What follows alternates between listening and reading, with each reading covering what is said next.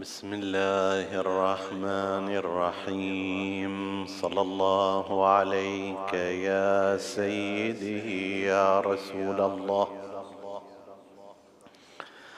صلى الله عليك وعلى ابن عمك امير المؤمنين وعلى أهل بيتك الطاهرين صلى الله عليك يا سيدي ويا مولاي. يا أبا عبد الله الحسين. ما خاب من تمسك بكم وأمن من لجأ إليكم. يا ليتنا كنا معكم فنفوز فوزا عظيما.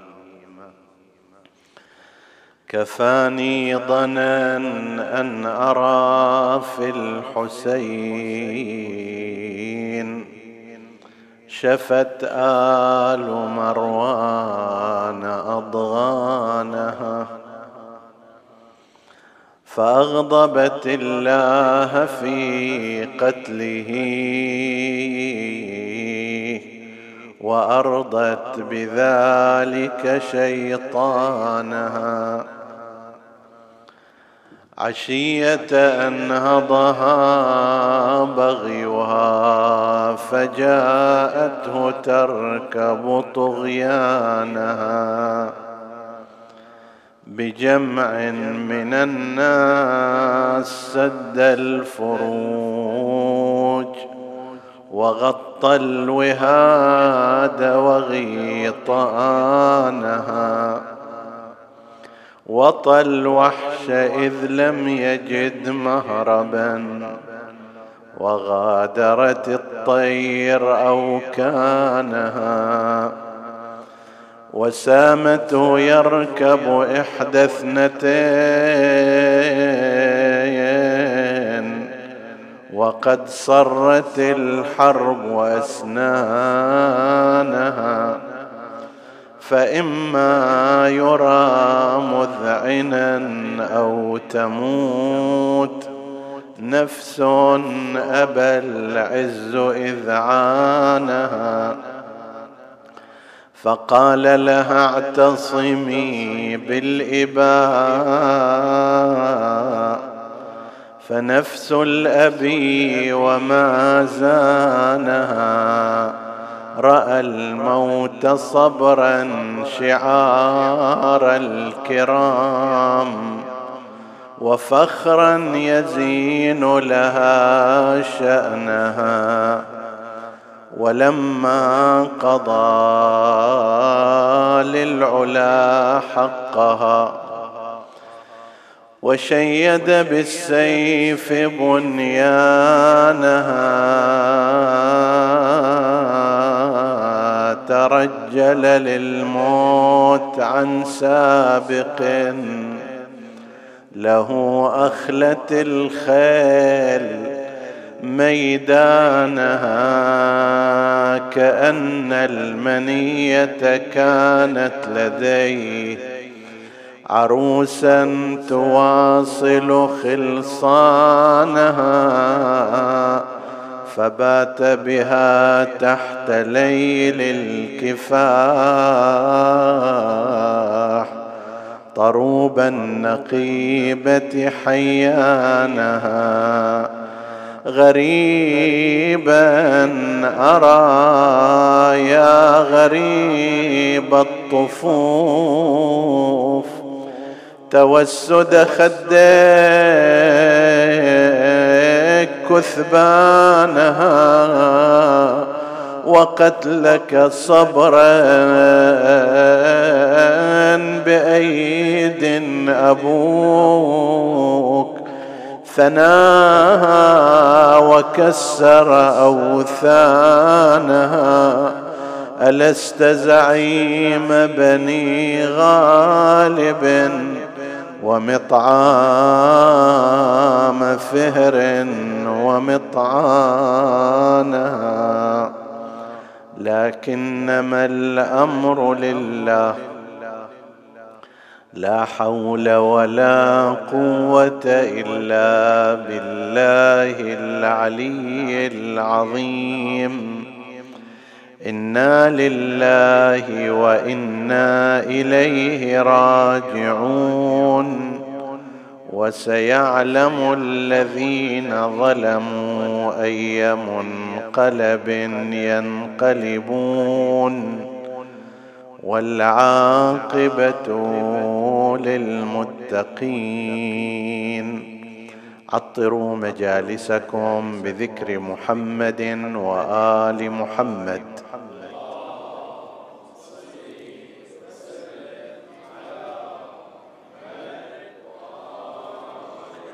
اللهم صل على محمد وآل محمد.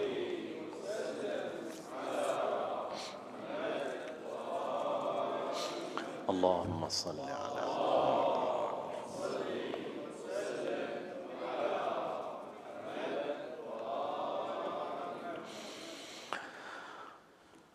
روي عن سيدنا ومولانا أبي عبد الله الحسين عليه السلام أنه قال وعلى الإسلام السلام إذا بليت الأمة براع مثل يزيد صدق سيدنا ومولانا أبو عبد الله الحسين. صلوات الله وسلامه عليه. في ثاني أحاديثنا عن أعداء الحسين وقتلته نتحدث هذه الليلة عن أول القتله والذي باشر العملية وتحمل المسؤولية كاملة عن قتل الحسين وهو يزيد بن معاوية ابن أبي سفيان الأموي. في ليلة مضت تحدثنا عن لزوم أن يتعرف الإنسان على أعداء الدين وأعداء الحسين عليه السلام وبينا الفوائد المترتبة على ذلك وأشرنا إلى طريقة القرآن الكريم في أحاديثه عن أعداء الإيمان والدين بدءا من إبليس وانتهاء بالفراعنة والنمارده كفرعون ونمرود وغيرهم من الذين يعادون الإيمان من أجل أن يتبرأ الإنسان منهم بعد معرفتهم ومن أجل أن يجانب صفاتهم وأخلاقهم وطريقة حياتهم. هذه الليلة نتعرض إلى أول القتله الذي كان له كل الدور في قتل الإمام الحسين عليه السلام وفي سبي نسائه. يزيد ابن معاوية ولد سنة ستة وعشرين هجرية. ومعنى ذلك أنه أصغر سنا من الإمام الحسين عليه السلام بنحو ثلاثة وعشرين سنة أو اثنين وعشرين سنة. طبعا هذا الأمر راح يؤثر فيما بعد عندما نقول هذا العمر أنه حين ارتكب فاجعة كربلاء وقام بذلك العمل الشنيع والقبيح كان في بدايات العمر يعني في حدود سن كان سنه في حدود ثلاثة وثلاثين سنة أو نحو ذلك من العمر. عادة الذين يكونون في أعمار من هذا القبيل في الغالب إلا إذا كان هذب نفسه بالأخلاق وبمقتضيات الدين في الغالب عرامة الشباب وما يتعلق بذلك من مخالفة الحكمة.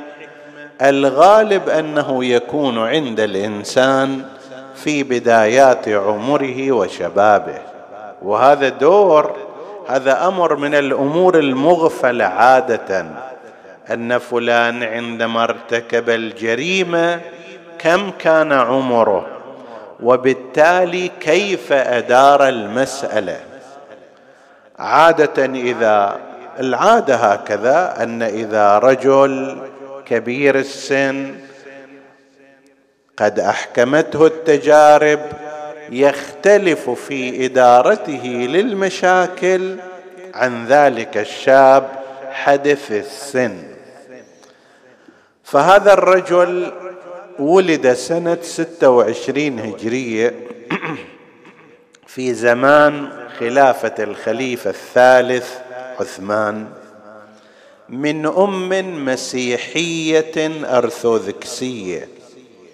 المسيحيون أصناف وفئات. المسيحيون الأرثوذكس عادة أكثر تعصبا لمسيحيتهم ولأفكارهم من سائر الفرق المسيحية الأخرى كالكاثوليك مثلا والبروتستانت الأرثوذكس المسيحيون غالبا أكثر تشددا وتعصبا لديانتهم.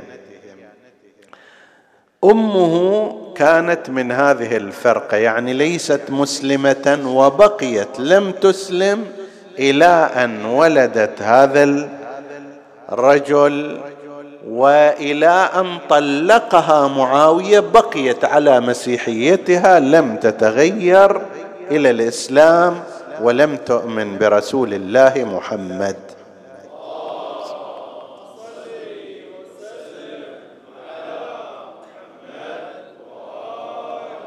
اسمها ميسون بنت بجدل الكلبية وهذه قبيلتها. الكلبيون كانوا على حدود. الدولة الإسلامية آنئذ يعني في المنطقة ما بين تركيا وما بين سوريا الآن في هذه المنطقة كانوا يعيشون ولذلك اتصالاتهم وارتباطاتهم كانت مع المسيحيين في الأكثر. تزوجها معاوية ابن أبي سفيان ثم طلقها بعدما ولدت له هذا الولد المشؤوم وبقي هذا المولود الذي سيرتكب أعظم جريمة في زمانه بل ما بعد زمانه وهي قتل الحسين عليه السلام. والده طلق أمه. هسه طلاق أمه أكو خلاف فيه. هل السبب هو أن هذه مرأة ما كانت عفيفة؟ وكما يذكر بعض الذين كتبوا في المثالب. المثالب هو الملفات السوداء تقريبا اللي موجودة في القبائل والأشخاص يسمونها كتب المثالب. ففي كتب المثالب لما واحد يروح يراجع يجد أنها كانت متهمة بيزيد أنه ليس ولدا شرعيا هذا ما يذكره أصحاب كتب المثالب. وكانت قد اتهمت مع أحد غلمانها. إحنا الآن هذا لا نتحمل مسؤوليته وإنما ننقل هذا الكلام. البعض ممن يرى أن هذا الكلام قد يكون صحيحا هو ما ورد في تفسير كلمة الإمام الحسين عليه السلام التي قالها في كربلاء ألا وإن الدعي ابن الدعي قد ركز بين اثنتين بين السلة والذلة. الدعي يعني الابن غير الشرعي. يقال فلان دعي أو هو من الأدعياء يعني ولادته ولاده غير شرعية غير نظيفة. وهذه كانت نقطة فخر لال محمد المصطفى لذكره صلوا عليه.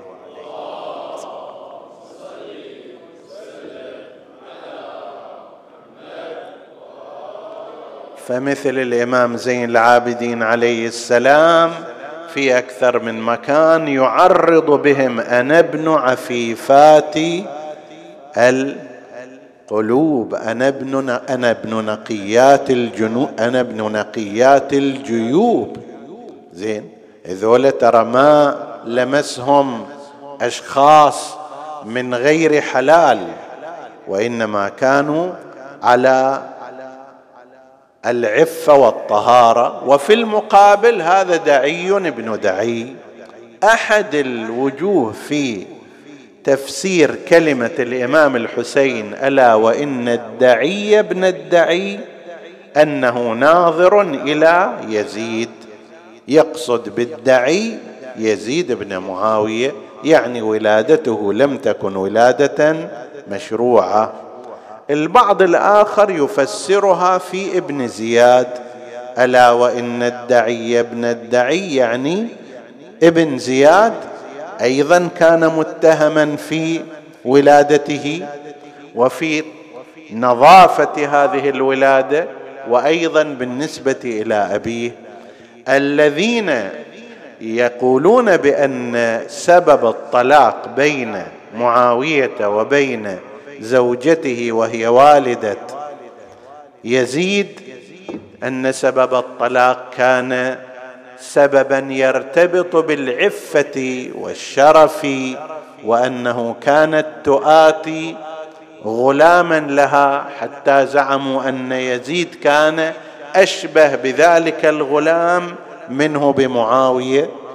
هذا كلام كلام آخر أنه هي لم تطق العيش معه وكانت تفضل عليه بعض بني عمومتها ويستشهدون بكلامها وقولها ولبس عباءة وتقر عيني أحب إلي من لبس الشفوف ونضو من بني عمي ضعيف أو ضعيف أحب إلي من علج عنوفي يعني حتى لو واحد ضعيف من أبناء عمومتي هذا أحسن إلي من هذا الزوج الذي هو علج كان يعبر عن الواحد الضخم يعني الشديد والضخم وغير الجميل وغير الناطق يقال له علج.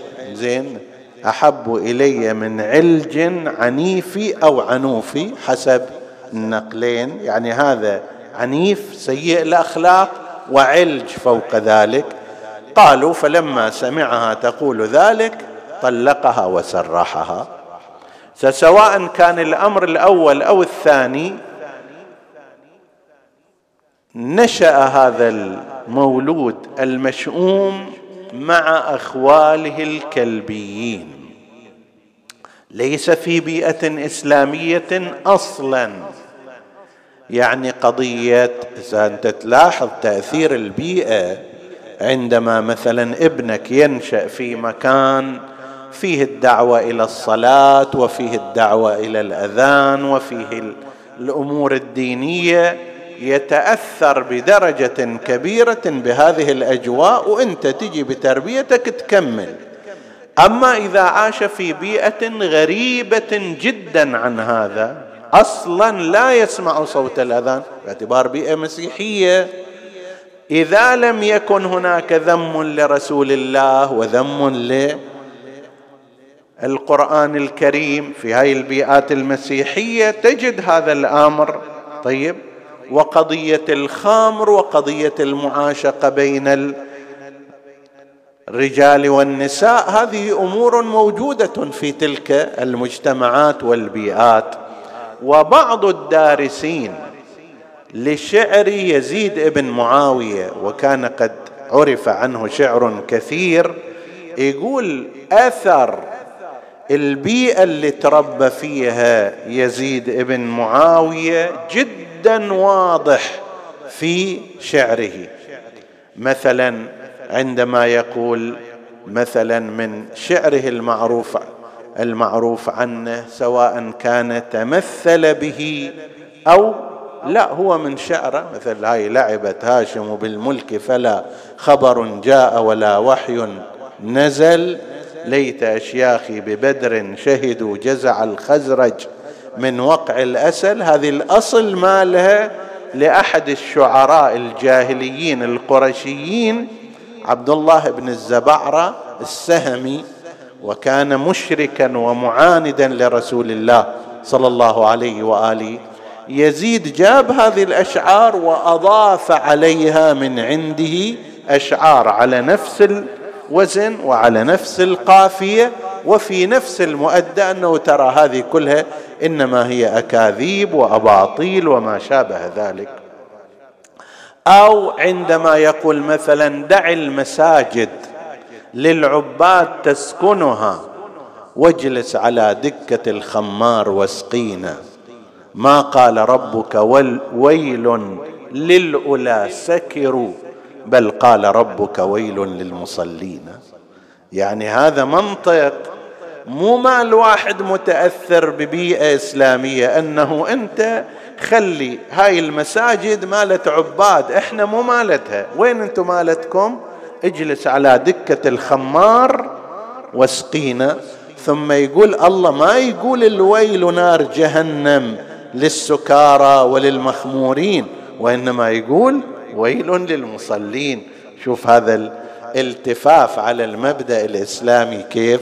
طيب هذا راح أخذ فويل للمصلين الذين هم عن صلاتهم ساهون. قال لا هذا يقول الويل وهو نار جهنم للمصلين. أما المخمورين والسكارى لا هذول ما قال لهم ويل لهم. وعلى المعدل كثير مثلا مما يشتهر عنه أيضا شعره المعروف يقول أشغلتني نغمة العيدان عن صوت الأذان وتعوقت عن الحور خمورا في الدنان. أنا بين هذول اللي يسمعون الأذان ويطربون إلى ويرتاحون إلى لست من هذا لا أنا تطربني أصوات العيدان جمع عود والمعازف وما شابه. هذه أفضل من صوت الأذان.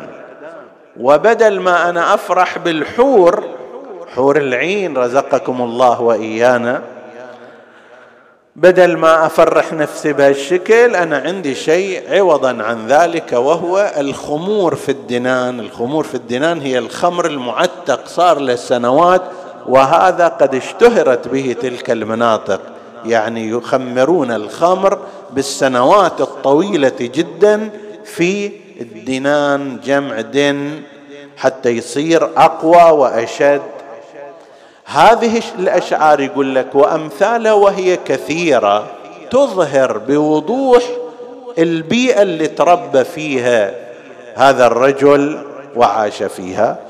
ففي أسرة مطلقة أمه مسيحية تعتبر من المسيحيين المتعصبين في عدائهم للإسلام.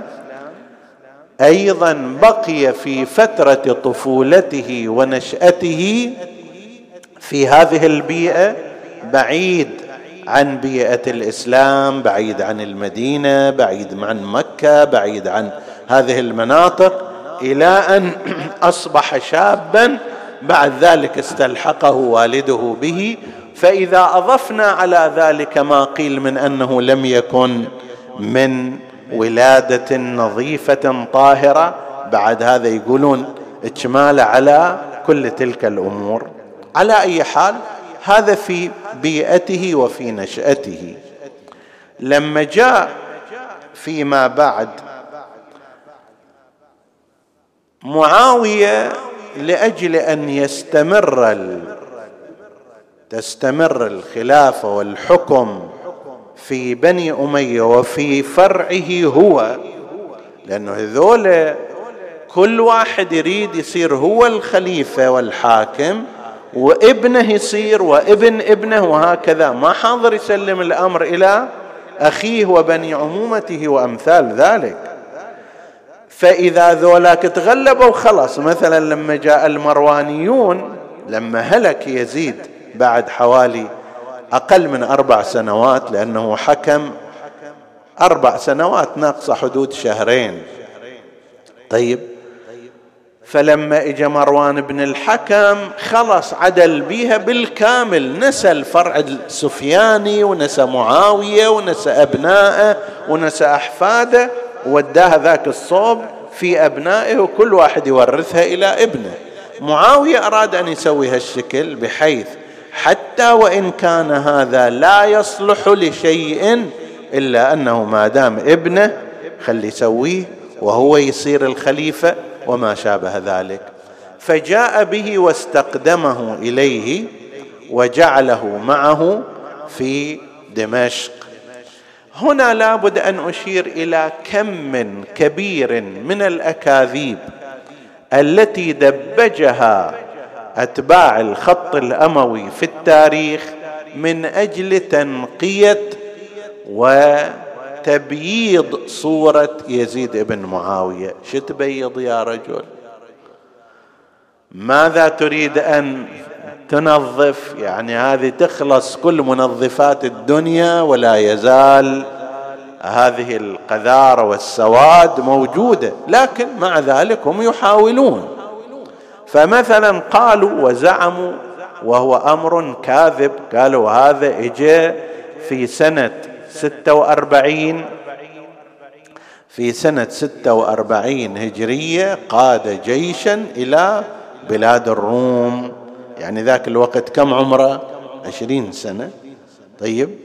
قاد جيشا إلى بلاد الروم والأنكى من ذلك قالوا إنه كان فيه أيضا تحت رايته الحسين بن علي وعبد الله بن الزبير وعبد الله بن عباس وفلان وفلان وهذا كذب صريح واضح جدا. ذاك الوقت اولا الإمام الحسن عليه السلام موجود في ذلك التاريخ والإمام الحسين وكان معروفا عنهم خلافهم لبني أمية. توهم الآن مخلصين من معارك وحروب معهم.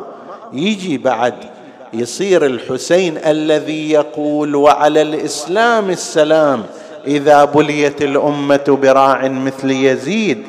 طيب يجي يصير جندي تحت رايته ويروح يقاتل سبحان الله هاي فكرة أنه وقد اشترك في الجيش الفلاني الحسن والحسين وعبد الله بن عباس وعبد الله بن جعفر وفلان كأنما صارت علاقة حسب التعبير.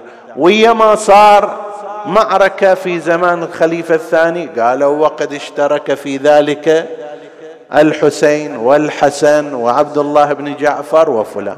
في زمان الخليفة الثالث وقد اشترك في ذلك الجيش الحسن والحسين وعبد الله بن جعفر. وكأنما الحسن والحسين بس قاعدين مجهزين شنطتهم. وين ما أكو وين ما أكو جيش واحد جهزه لكي يروح منا لو مناك شال شنطته وركض وراه. لا شغل ولا مشغلة ولا التزام ولا مسؤولية ولا نظر إلى صلاحية القائد ولا نظر إلى أهداف هذا الجيش بمجرد أن زعقت الزاعقه الحسن والحسين قاموا يركضون وراء هذا. طيب وهذا من أجل غرضين.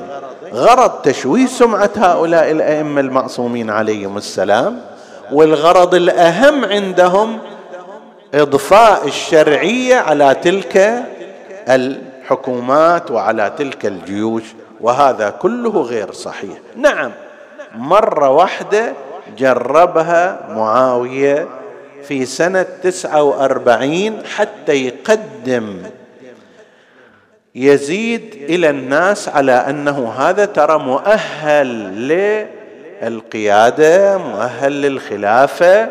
طيب وإذا سامعين عنه يلاعب القرود ويلاعب الفهود ويسكر وما أدري كذا. وكما قال عبد الله بن حنظله غسيل الملائكة ينكح الأمهات والأخوات والبنات ويشرب الخمر ويدع الصلاة. هذا اللي خلاه لما يرجع من الشام بعد شهادة الإمام الحسين عليه السلام خلاه يرجع ويقول لو لم أجد إلا ولدي لقاتلت يزيد بن معاوية لأني رحت إلى الشام وشفت على الطبيعة ما ما يحصل. المهم فمعاوية من أجل أن يخلي هذا الولد الميشوم ابنه من أجل أن يجعل ابنه في قابلية لأن يراه الناس قال إحنا ندزه إلى جيش.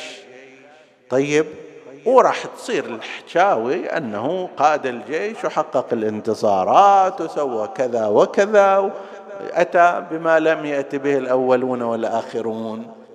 فعلا هم ما كذب خبر كما يقولون.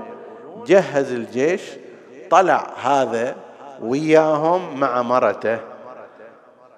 زين بنت عبد الله ابن كريز أم كلثوم. فطلعوا شوية برا غوطة دمشق شاف المكان مكان براد وأشجار ولطيف. قال لهم روحوا ونحن لا نأتي من ورائكم. طيب روحوا أنتم. فذهبوا لكي على حساب يغزوا قسم من بلاد الروم. أي قرية؟ حتى لو يوصل إلى قرية يصيد له كم دجاجة يقولون سوى غزوة وما أدري كذا وقتل وجرح وإلى آخره. طيب شو مدري هم الناس؟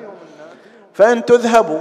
راحوا هذول مروا على منطقة قالوا إن فيها كان البعوض جدا كبير. فأصيب أكثر الجيش بالحمى وبعضهم مات على أثر ذلك. فدزوا إلى أنه يا أيها القائد المظفر ترى الجيش مالك متورطين هنا ما عندهم مؤونة ما عندهم كذا ما يقدرون يمضون لأن عندهم يعني إصابات بالحمى كثيرة جدا. طيب فما الخبر؟ ما جاب لهم خبر ولا رد عليهم. دزوا إلى الرسول الثاني والثالث والرابع فكتب إليهم شعرا إلى الآن موجود ومعروف عنه. وهذه من فوائد الشعر أنه يبقى محفوظا. طيب. قال وما علي إذا لاقت جموعهم بالفرقدونه من حمى ومن موم موم يعني البعوض الشديد اللسع الكبار. أنا شو يخصني بهم؟ جهنم. وما علي إذا لاقت جموعهم بالفرقدونه منطقة اللي صار فيها هذا. بالفرقدونه من حمى ومن موم إذا اتكأت على الأنماط مرتفقا بدير حران عندي أم كلثوم. أنا قاعد هنا أنا أشرب وقاعد وياي. هذه أم كلثوم إيش؟ البعوض يجيهم لو الفية لأن هذا أمر لا يهمني بشيء. طيب هذا الآن هل شيء اللي مؤرخ بهذا المعنى؟ الآن يقولوا إي نعم هو راح وهو غزا وهو كذا وابتدعوا عن رسول الله حديثا أن أول جيش يغزو القسطنطينية مغفور لهم. وإلى غير ذلك. لكن هذا كله ما كان ينطلي على أحد. السنة اللي بعدها بعدها بسنتين سنة واحد وخمسين راح معاوية إلى المدينة المنورة على أساس أن يعني يرشح يزيد للخلافة وقبل ما يموت معاوية يكون الأمر رتبه فخطب في الناس وقال لهم ترى أنا رأيت نظرت لمصلحة الأمة والإسلام أن لا تترك بلا خليفة وأن لا يكون يحصل فراغ قيادي. أنا أفكر أحسن من الرسول الرسول ذاك اللي مشتبه فما يعين أحد من وراءه ولا يوصي إلى أحد ولا كذا ذهب ولم يستخلف وهذا الحكي الذي يقال.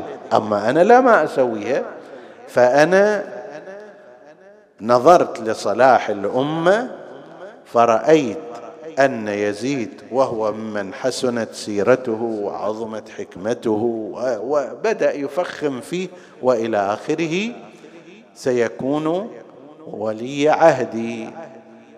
فالحاضرون فوجئوا بذلك. الإمام الحسين عليه السلام قام في نفس المكان الذي خطب فيه وقال له يا معاوية لعلك تصف محجوبا أو تنعت غائبا. أنت شنو يعني إذا تتكلم عن واحد ما معروف أو واحد مخبى فدع عنك يزيد وما اختار لنفسه من اللعب بالفهود والقرود وصيد البزات وشرب الخمر. هذا شأن يزيد.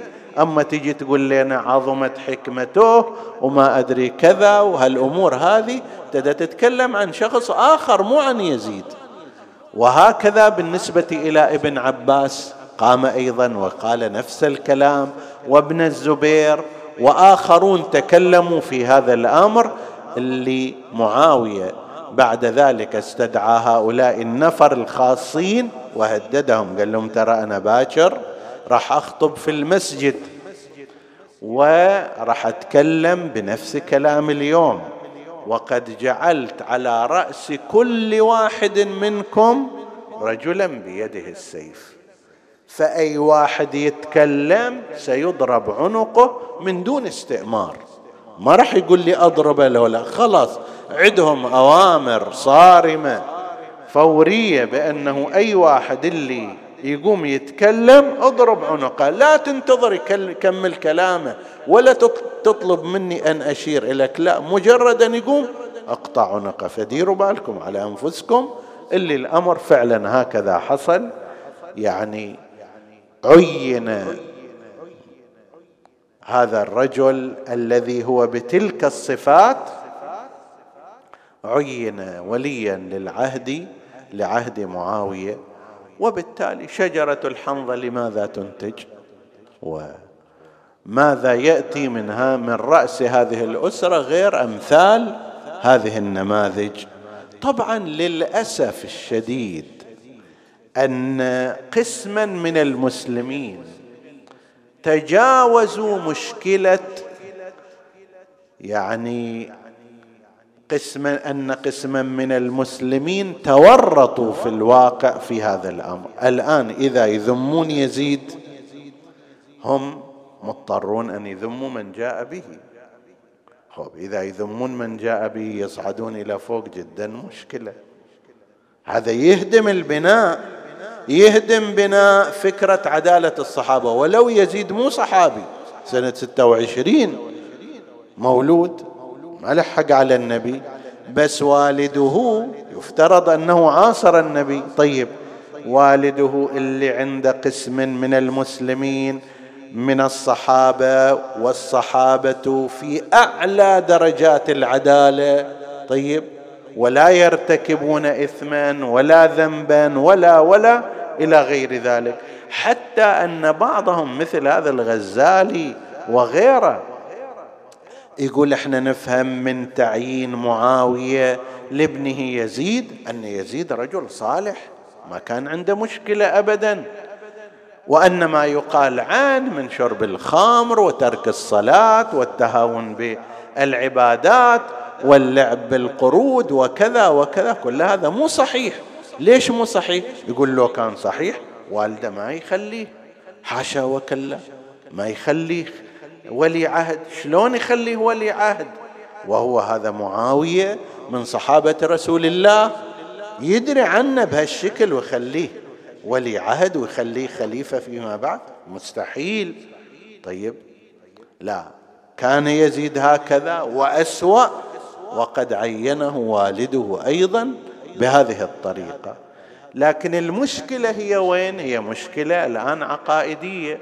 ماذا تصنع مع عدالة الصحابة؟ عدالة الصحابة ركن من أركان المذهب الآخر. فإذا انت هدمت في مكان ماذا تصنع في ذاك الوقت؟ وهالشكل الظل تصعد؟ طيب فهذا من الأمور التي جعلتهم يأبون أن يدينوا يزيد. لذلك الاتجاه اتجاه غير قليل عند بعض المسلمين عدم إدانة يزيد عدم ذكره باللعنة عدم ذكره بالبراءة. ليش؟ لهذا السبب. أكو بعضهم اتخذوا مثل موقف خنثى حسب التعبير. لا نحبه ولا نسبه. هذا الموقف الرسمي لكثير من أتباع الاتجاه السلفي هذا. وهو لا. طبعا هذا أسسه ابن تيمية. ابن تيمية الآن إذا يقول لا نتبرأ منه مشكلة. نحبه مع هالفظائع فقال هالموقف هذا لا نحبه ولا نسبه لا أبيض ولا أسود لا إي ولا ولا لا. تقدر تجاوب بدل لا والنعم مثلا. نلا. زين. أو لعم. لا, لا لا نعم ولا لا. لا نسب ولا نحب. لا نوالي ولا نعادي. هو الموقف الخنثى هذا. لا ذكر ولا أنثى. طيب. هذا موجود أيضا الآن عند قسم من المسلمين. فكرة لا نسبه ولا نحبه. ما يحتاج هذه. إما أن يكون صالحا تتولاه. وإما أن يكون غير صالح ومجرما تتبرأ منه. ماذا يعني لا نسب لا نسبه ولا نحبه؟ في الإسلام ما عندنا هذا الشكل شيء. إما أن يكون وليا لله أو أن يكون غير ذلك عدوا لله. ولي لله تحبه تتولاه عدو لله تتبرأ منه. لكن الأمر ليس كذلك عند هؤلاء وضمن هذا الأفق. إلى أن جاء وارتكب هذه الجريمة الكبرى بقتل الحسين عليه السلام. طبعا ذكرنا يمكن في ليلة مضت أو في بعض المجالس الأخر أن هؤلاء زحلقوا المسؤولية منه إلى عبيد الله بن زياد. لا مو يزيد اللي قتل وإنما عبيد الله بن زياد. عندكم حكي احكوا على عبيد الله بن زياد. ومن أفظع ما رأيت في بعض المقالات التي راجعتها عند أتباع هذا الخط في خلال هذه الأيام رأيت أنه هم يزحلق التهمه من ابن زياد إلى جيش الكوفة. جيش الكوفة هم هالشكل. ومن جيش الكوفة باعتبار في رأيهم جيش الكوفة الشيعة صار أن الشيعة هم الذين قتلوا الحسين. لا يزيد لا عمر بن سعد لا ابن زياد لا شمر لا لا جيش الكوفة. آخر شيء صار شيعة أهل البيت عليهم السلام. شوف تزوير كيف يصير في المجتمعات والإغفال كيف يحصل. لكن الحقيقة ليست كذلك. في أصرح ما وجدنا نفس ابن زياد نفس ابن زياد. كما تنقل المصادر التاريخية قال له لأنه كيف قتلت الحسين بن بنت رسول الله؟ قال إن يزيد خيرني بين قتلي وقتله فاخترت قتله. إما تقتل الحسين وإما أنت تقتل. أنا نفسي أعز علي. رحت قتلته فالآمر الذي جعل الخيار بين قتل ابن زياد وبين قتل الحسين إنما كان يزيد من خلال نفس شهادة ابن زياد. وأما غيره فابن عباس عبد الله بن عباس لأن يزيد بعد ما قتل الحسين عليه السلام وتمرد عليه ابن الزبير وصارت ثورة ضد يزيد هذا يحتاج إلى حديث مفصل أراد أن يستقطب الأتباع أراد أن يستقطب شخصيات المدينة فأرسل إلى عبد الله بن عباس رسالة ودية جميلة كذا يطلب فيها معونته في أن يقرب الناس إليه.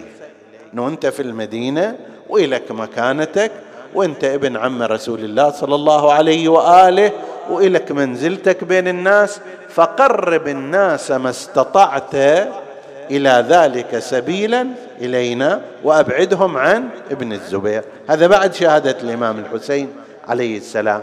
فكتب له عبد الله بن عباس رسالة ساخنة جدا وطويلة جدا فيها قذع له وفيها لوم. ومن جملة ما ذكر هذا الكلام قال وسألت أن أحبب الناس إليك كيف؟ وقد قتلت حسينا. وفتيان عبد المطلب مصابيح الهدى ونجوم الأعلام. كيف أنا أحبب الناس إليك؟ وأنت القاتل. للحسين عليه السلام ولفتيان بني هاشم. اذهب لا أبا لك وشتمه شتما عريضا طويلا فد وثيقه جدا مفصله وساخنه يحمله فيها شخصيا قتل الإمام الحسين صلوات الله وسلامه عليه. وبالفعل كان الأمر كذلك. هو القاتل الا فالعجب تقول السيدة زينب عليه السلام ألا فالعجب كل العجب لقتل حزب الله النجبا بحزب الشيطان الطلقاء. أنت يا يزيد قتلت وأنت من حزب الطلقاء قتلت حزب الله النجباء قتلت الحسين سلام الله عليه. ولذلك الإمام الحسين من أول يوم كان واضحا في تعريف هذا الرجل وفي بيان حقيقته للناس. قال كما ذكرنا في وقت سابق أنا أهل بيت النبوة وموضع الرسالة بنا فتح الله وبنا يختم ويزيد رجل فاسق معلن بالفجور. شارب الخمور قاتل النفس المحترمة ومثلي لا يبايع مثله. هكذا قال الحسين صلوات الله وسلامه عليه. رحمة الله على شاعر أهل البيت سيد جعفر الحلي عندما يقول في قصيدته وقد تحكم بالإسلام طاغية لم أدر أين رجال المسلمين مضوا وكيف صار يزيد فيهم ملكا وقد تحكم بالإسلام طاغية. يمسي ويصبح بالفحشاء منهمكا. لئن جرت لفظة التوحيد في فمه فسيفه بسوى الإسلام. ما فتك فما رأى السبط للدين الحنيف شفا إلا إذا دمه. في كربلاء سفك وما سمعنا عليلا لا علاج له الا بنفس مداويه اذا هلك نفس الفداء لفاد شرع والده بنفسه وباهليه وما ملك يا ميتا ترك الالباب حائره وبالعراء ثلاثا جسمه ترك تاتي الوحوش له ليلا مسلمة والقوم تجري صباحا فوقه الرمك. ساعد الله قلب العقيلة زينب سلام الله عليها وهي ترى ذلك المشهد عندما نادت عمر بن سعد يا عمر أيقتل أبو عبد الله وأنت تنظر إليه؟ قال لها ماذا تريدين؟ قالت هلا جهزتم أما فيكم رجل مسلم فيواري جثة هذا الغريب. وإذا بعشر من الخيال تصعد على ظهور خيولها وتأتي إلى حيث موضع الحسين سلام الله عليه. قال بعض ارباب الخبر لقد تربوا الجسد حتى تأتي الخيل وتدوس عليه. كأني عندما كأني بها عندما رأت ذلك نادت خويا فوق صاويبك. خويا فوق صاويبك يرضوك جنت حرزي وتحت الخيل. داسوك